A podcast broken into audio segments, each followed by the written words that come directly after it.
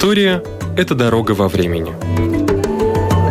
Она уходит в седую древность, выводит в современный мир.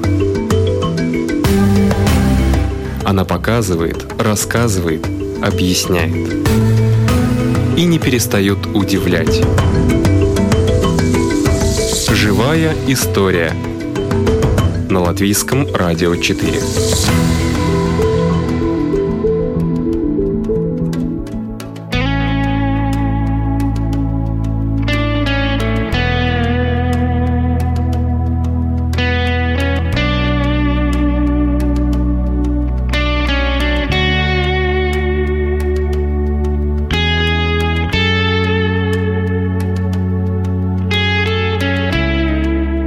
Культурная среда Латвии подобна ткани в течение столетий прочно сотканной из множества связей.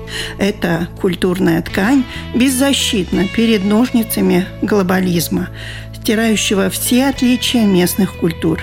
Формообразующим фактором культурной среды является архитектурный контекст – при повреждении архитектурной формы деградирует культурное пространство. В наши дни опасность исходит от самих носителей культуры.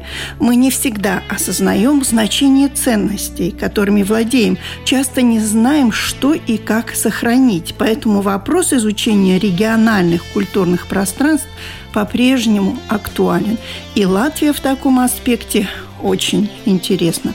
Цитата из статьи «Панорама православного храма строительства» в Латвии архитектора Людмилы Клешниной –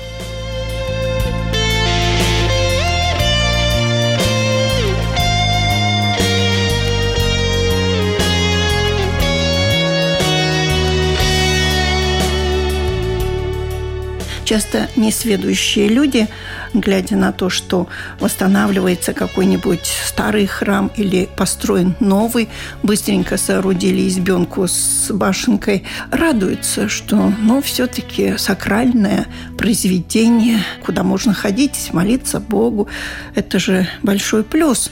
Но, наверное, все-таки есть у сакральных зданий правила я не знаю, как это правильно назвать, архитектор Людмила Вениаминовна Клешнина вот может оценить новое строение, новое здание церкви или католического собора. Как у нас все это проходит? Ну, конечно, это радость понятна, и она абсолютно положительная, потому что строительство любого храма все-таки свидетельствует о том, что вера не забыта все-таки. Поэтому это положительный момент. Но действительность, в которой мы сейчас находимся, и то, что мы видим, что мы строим, это, конечно, повергает в глубокую печаль.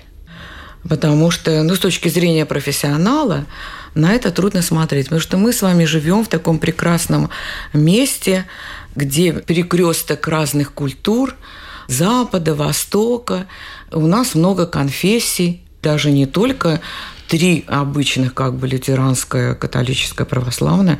У нас замечательное староверское наследие, да, поэтому это уникально. И зодчие, которые работали, хотя история православия, именно история православия на нашей земле не такая уж длинная, да, фактически в XIX веке, только сильно распространилась, да, при этом происходил массовый переход крестьян в православие, что вообще-то уже нигде в мире не было.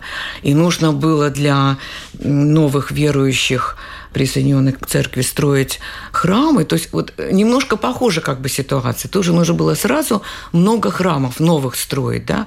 Для этого были привлечены лучшие архитекторы нашей земли, так скажем. Да? Янис Бауманис, Роберт Пфлук, Генрих Шель, причем это все были люди лютеранского вероисповедания. Но они были такие высокие профессионалы, что они спроектировали и построили, например, в Ильфянской губернии ну, более 30 храмов. И эти храмы все прекрасны по архитектуре, каноничны по своему конфессиональному содержанию, да, ну и просто до сих пор украшают нашу среду. А почему же нам, когда мы часто заходим, и не только в Латвии, и в других местах, мы часто заходим в новый храм, совершенно новый, причем не только православной конфессии, всех конфессий. Мне как бы говорили и католические люди, и лютеранские верующие говорили. Вот заходим в новый храм, а там как-то все не то. Ну, не то, вот что-то не то. А вот зашли в старый храм, а там вот хочется остаться и на богослужении, и все, и так замечательно, прекрасно. В чем дело? Может, это намоленность? Намоленность тоже, конечно, но и не только, потому что, конечно, профессионал смотрит немножко другими глазами, не просто основывается на чувствах и эмоциях. И, конечно, профессионально смотрит, как сделан старый храм и как сделан новый, так скажем, и делает какие-то выводы, исходя из своих профессиональных знаний. И поэтому я вот сразу задам такой вопрос. А ведь все замечали, что храмы разных конфессий отличаются между собой. Да. Замечательный готический храм с двумя башнями у входа, с огромной розой на западном фасаде, и большое круглое окно на южном фасаде, и на северном фасаде. И в готическом храме много витражей. Посмотрим на лютеранский храм. Это обычно одно такое цельное строение зального типа, так скажем, и одна пристроенная башня западной стороны. И обязательно апсида на восточной стороне выступает. Да? И православный храм посмотрим. Это никогда не будет цельный объем, это всегда будет сочетание разных объемов. Яв, очень явно выражена горизонтальная ось построения объемов, да, и кульминация своего здания, она всегда четко обозначена главой, чего нет на лютеранских и готических храмах. Куполом, да? да? Да. Ну, и в то же время они все похожи, эти храмы потому что они все ведут верующего к спасению. И этот путь спасения определяется горизонтальной осью, потому что во всех храмах христианской конфессии и в староверских моленах тоже самое, только там это прикровенно. Везде горизонтальное продвижение верующего к определенной цели. А чем же отличается храм христианский от языческого? Вот мы ездим Сейчас прямо переселение всех туристов по всем странам, лишь бы в новую страну поехать. Мы поехали в Египет. Посетили там храм в Луксоре, предположим, очень красивый явный образец. А мы почувствовали, а чем отличается языческий храм египетский от нашего православного храма? Нет, мы так пробежали, ничего не заметили. А что ж мы не посмотрим? Если внимательно посмотрим, мы увидим, что языческий храм как развивается, вот эта анфилада, этот путь, к чему он ведет? Яркая пустыня, аллея сфинксов – яркое солнце южное, ослепительное. Потом мы входим к огромным пилонам, входные ворота, которые мощи своей подавляют нас. Мы сразу кажемся маленькими перед лицом всемогущих богов, да, у них многобожие. Заходим во двор. Во дворе уже колоннада, какая-то тень появляется. Потом подходим к входу в храм, там гипостильный зал. Гипостильный зал – мощные огромные колонны, которые по несущей способности даже, наверное, превышают то, что какая там нагрузка существует от перекрытия храма. И где-то наверху какие-то окошки. Такой, то есть мы попадаем в полумрак.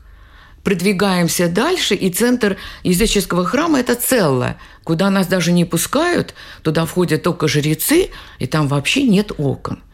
То есть явно выраженный, сейчас нет времени, но это во всех языческих культах, в Индию мы поедем, но там то же самое, только в других формах.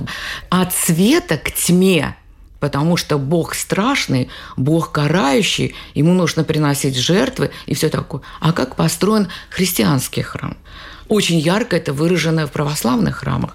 В других тоже мы это видим, но особенно вот в русских храмах.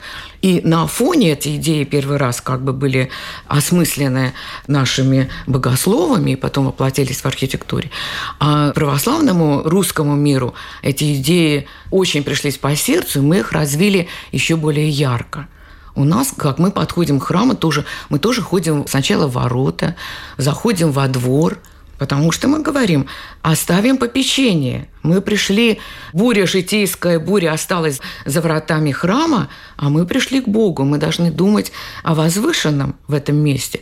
Потом мы поднимаемся на крыльцо, мы делаем несколько усилий, поднимаемся по ступеням, а ступени. У нас это э, символизирует восхождение к возвышенным идеям, значит, мы уже несколько ступеней преодолеваем на крыльце. И крыльцо у нас легкое, не такое, как при входе в египетский храм с их мощными пилонами, а крыльцо легкое, стоит на каких-то опорах, столбики обычно фигурные, которые нам говорят, вот в этом месте вы получите плоды духовные – потому что очень интересны все термины старинные, да, традиционные термины.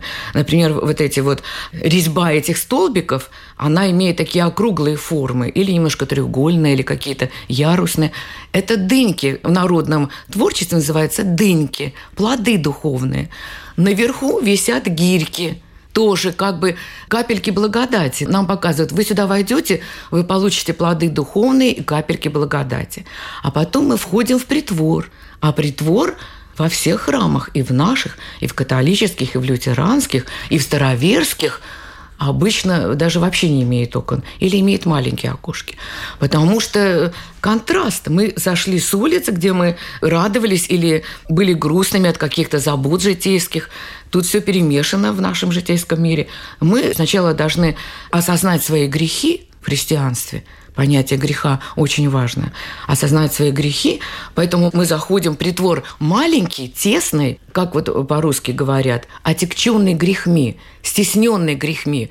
Потому что грех всегда отягчает нашу душу, он давит неисповеданный и непрощенный грех. Поэтому это помещение тесное, без окон или с маленькими окошками. А потом в древности в этом помещении принимали исповедь и у наших староверов тоже сохранилась традиция из этого помещения вход в прощальную так называемую комнатку, где принимают исповедь. С древности так было. А потом мы проходим в храм. И храм тоже имеет как бы сначала предхрамие, где уже появились окна, где уже освещение больше, чем в притворе. И главный центр храма у всех христиан – это обязательно центр храма. Он в готическом храме может быть поперечный трансет – очень явно виден, да. В лютеранском храме он тоже обозначен, а у нас он просто главное место, где происходит причастие, главное таинство, которое мы принимаем в храме, это средокрестие, да, вот угу. наша горизонтальная ось, по которой мы двигаемся, и продвижение, да. да, и горизонтальная ось в плане. И у нас всегда здесь, мы все учили геометрию, поднимается третья ось, вертикальная ось, которая у нас обозначена главой, Глава у нас часто открыта в интерьер, поэтому это место, где три оси пересеклись, оно имеет самое яркое освещение. И получается, что наши христианские храмы построены от мрака греховного к свету. Почему? Потому что Господь свет, как мы читаем в Евангелии, Он сам говорит, «Аз есть свет миру».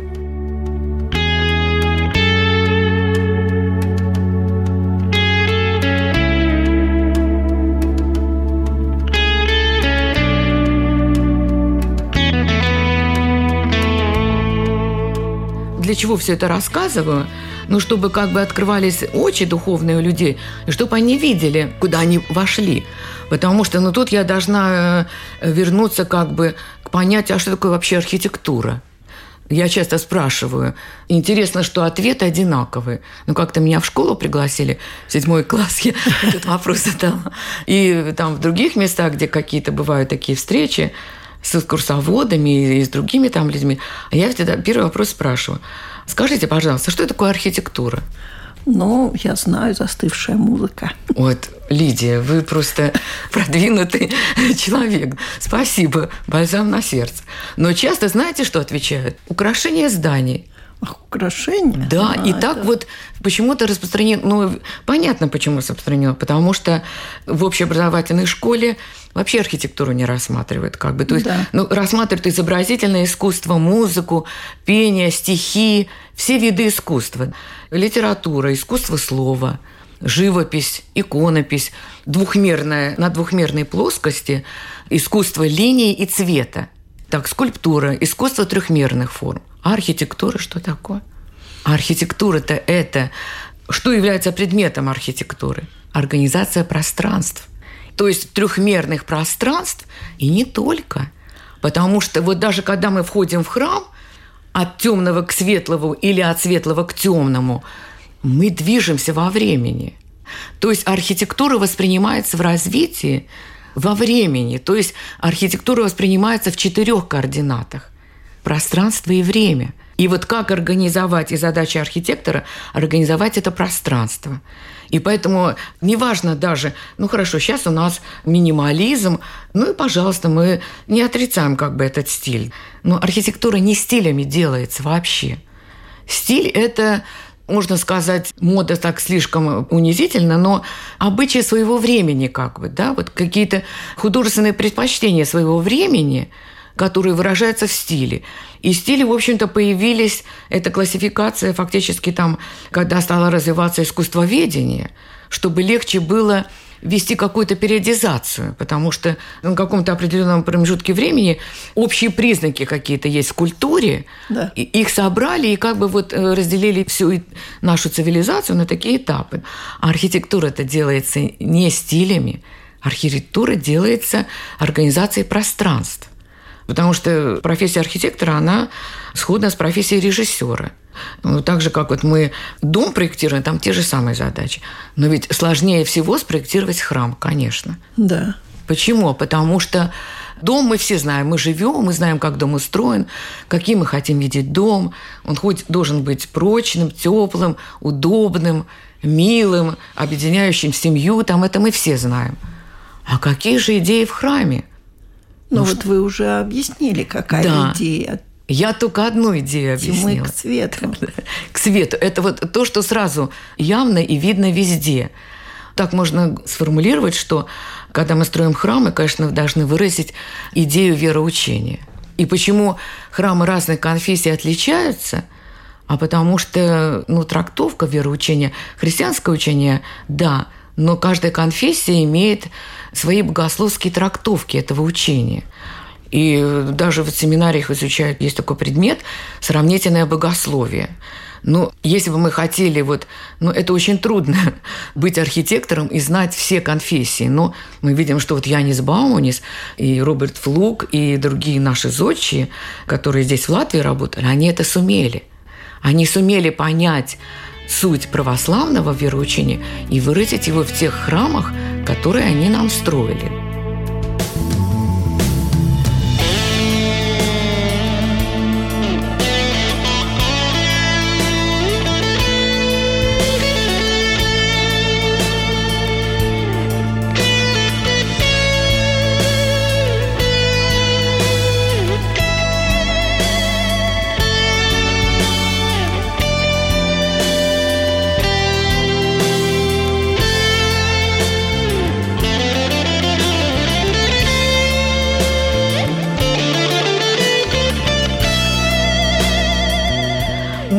Люди э, немощные, мы люди 21 века, поэтому свою конфессию ты обязан знать. Если ты архитектор и взялся проектировать храм, то вероучение своей конфессии ты просто обязан знать, понимаете? Нельзя механически складывать какие-то формы, то тогда и получится. Ты вошел вроде то, а что-то не то. А потому что вероучение это не выражено. И как относиться к этому? Потому что одно, мы знаем, что есть вера, а есть, э, ну просто можно воспринимать веру как экзотические такие элементы нашей жизни. И храм экзотический. Вот мы поехали в Петербург, собор Покрова, собор Нарвуд, где убили императора Александра II. На крови. На крови, да, я забыла с вами. Он такой в русском стиле, такой очень, ой, какое экзотическое сооружение. Можно же так его воспринять. Да. Разукрашенное, цветное. А вообще-то архитектор там не то видит. Архитектор там видит полноту вероучения выраженного. И снаружи, когда ты только подходишь, тебя подготавливает архитектура. И когда ты входишь внутрь в интерьер, и потом начинается литургия, и тебе уже искусство слова вступает, а на стенах там фрески, изобразительное искусство тебе раскрывает вероучение – а архитектура это еще древние считали, что это мать искусств. Такой тоже есть афоризм, и он не случайен. Так же, как вот застывшая музыка, потому что инструменты похожие. Мы сейчас не можем тут подробно это рассказать. Можно очень много найти просто средств в музыке и в архитектуре, какие используются. Архитектура – мать искусства, потому что она организовывает пространство, в котором размещаются искусства все другие – и все вместе они выражают определенную идею потому что без идеи нет архитектуры. Я понимаю, если строят сейчас новый храм, естественно, должен быть архитектор, который должен стоять за строителями и направлять их. Но а сложно ли восстановить храм? Тоже сложно. Тоже сложно. Потому тоже что нужен архитектор. Э, если вы беретесь за восстановление храма, ну надо же уметь прочитать идеи, какие вложили строители в этот храм, чтобы их не исказить. Потому что, ну, к сожалению, все идет как, как бы в упадку. Мы уже меньше понимаем, меньше знаем. И мы уже не живем такой цельной жизнью, которой жили даже люди в XIX веке. Потому что для них религия, которую они исповедовали, это была часть их жизни. Это был цельный образ жизни. Да. Сейчас уже очень трудно этому достичь. Появились новые материалы. Появилась вообще совершенно другая действительность в строительстве. Мы вот архитекторы говорим, что архитектура умерла. Потому что кто сейчас правит бал? Сейчас правит бал строительной корпорации. И корпорации, которые производят новые строительные материалы и активно завоевывают торговый рынок и навязывают нам... У нас теперь просто даже запрет на многие материалы. Например, мы в обязательном порядке должны утеплять здания – но слава богу, что... А храмы ведь они Храмы не единственное исключение сделано. Храм на религиозные сооружения это не относится. Но материалы это другие. Например, теперь кирпич очень дорогой. Его практически нельзя использовать для строительства храма, потому что храмы мы строим обычно на пожертвования, и там всегда трудности со средствами и все такое. Давайте строить из фибоблоков, да? А фибоблоки они некрасивые, их надо облицевать. Давайте облицуем кирпичом, да? А что говорит нам Господь в Евангелии? Кто у нас отец лжи? Мы знаем, кто отец лжи. А существует такое понятие, как архитектоника, когда правдивость архитектуры, правдивость конструкций. И вот старые храмы, они, во-первых, строились или из камней в южных территориях нашего земного шара, да, в нашем климате из кирпича. У них была большая толщина стен, ну, потому что, чтобы это не промерзало, как говорится. А здесь тоже заложена символика, потому что в Евангелии мы прочитаем одна из идей, потому что этих идей полнота вероучения, она прекрасна, бесконечно глубока, и воплотить в одном храме все идеи, я даже не знаю, можно ли это, да, но мы должны к этому стремиться. Одна из идей, которую мы читаем в Евангелии, о том, что храм Божий складывается из вас, живых камней. Вы, люди, если вы осознаете свои грехи, очиститесь от них, исповедуетесь, исправитесь, соединитесь с Богом во время причастия, из вас будет тело Христова складывается – и поэтому из камней должны быть сложены стены храма.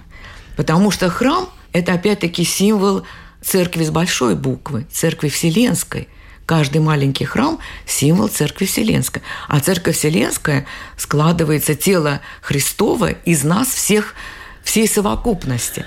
Поэтому видите, какие глубокие идеи заложены. А мы строим из фибоблоков стены. Во-первых, они дают очень мало возможностей для чисто декоративных приемов, кирпич мы можем сделать ниши, выступы и орнаменты, они же тоже несут смысл. В храме нет ничего случайного. А фибоблоки – это гладкая стена. Просто нам отрезали все возможности, а потом к ней приклеиваем кирпичную оболочку, как будто бы эта стена сложена из кирпича. Но ведь это же конструктивная ложь. Да? И Ой. как мы это воспринимаем? Мы это воспринимаем Нет, это смешно, ну так конечно. просто ерунда какая-то, что тут ретроградство какое-то. Или мы это воспринимаем на полном серьезе? Потому что если мы веруем то мы веруем, что это реальность. Бог – реальность, и все вокруг нас – реальность с этой точки зрения. Да? Или мы так как-то дистанцированно. Ну, кто-то верит, мы что-то им спроектируем. Вот у них там главы, у них там башни, все сделали, ну и годится – а ты сам-то не веришь, кто проектируешь? Да, кто проектирует? даже сложно Понимаете? представить, как будет реставрироваться собор Парижской Богоматери. Да, трудно представить, потому что организован конкурс, несколько конкурсов, там и правительство Франции организовало конкурс, и разные какие-то учредители, свои конкурсы. Но в интернете, кто хочет, можно набрать проект восстановления собора Парижской Богоматери, и вы получите информацию, что же предлагают современные архитекторы. Но это, конечно, повергает, я не знаю, меня лично это повергло просто какую-то даже безысходность. Ну, например, у нас вертикальная ось, глава, причастие, и наша душа поднимается вверх к Богу. Пространственная идея нашего храма. На храме Парижской Богоматери тоже была башенка, которая сгорела, которая стояла именно над средокрестием. Вот это вот да. основная ось анфилады, трансепт поперечный нефть, и над ней как раз стояла башенка. Только она имела вид не такой, как наша глава, ну, потому что у нас вот ну, разные пути. После разделения церквей пошло богословие по разным путям. Архитектура следует за богословием, потому что архитектура храма – это богословие в камне. И она следует по развитию богословия своей конфессии. Поэтому еще позже даже таких башенок не стали делать, но это готический храм, там еще башенка была. Она на средокрестии. Значит, там были высокие своды, своды у нас символизируют небо, мир небесный. Поэтому во всех храмах христианских конфессий и староверских моленных снаружи не видно, но внутри обязательно есть своды решенные разными архитектурными способами. Значит, эта башенка сгорела.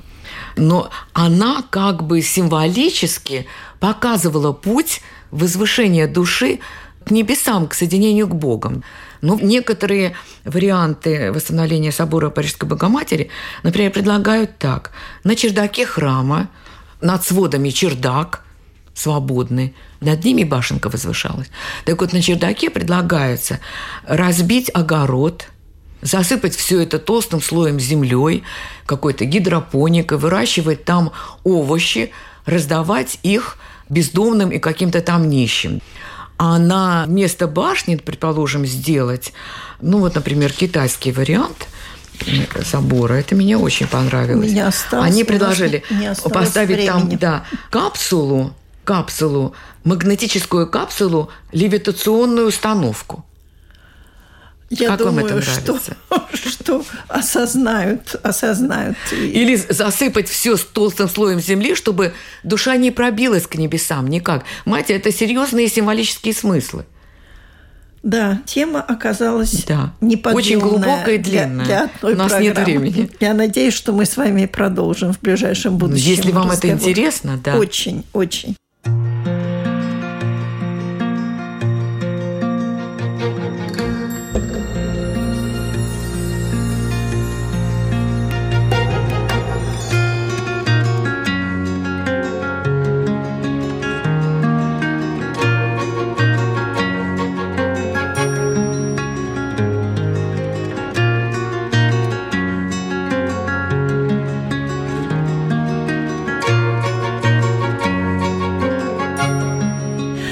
Сегодня сакральное наследие находится под угрозой евроремонтов и ненаучной реставрации. Примитивные архитектурные образы новых храмов способствуют деградации культурной среды, вносят в нее черты псевдодуховности. Остановить эти тенденции может только вдумчивое, строго научное изучение нашего наследия, которое необходимо продолжить.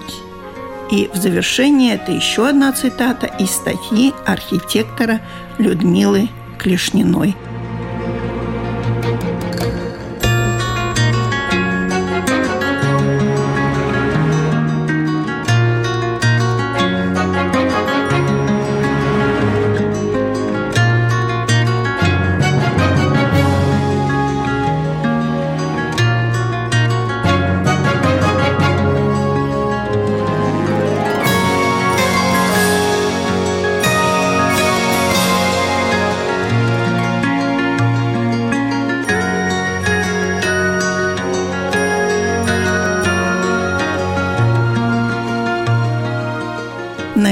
наша передача заканчивается. Всего вам доброго.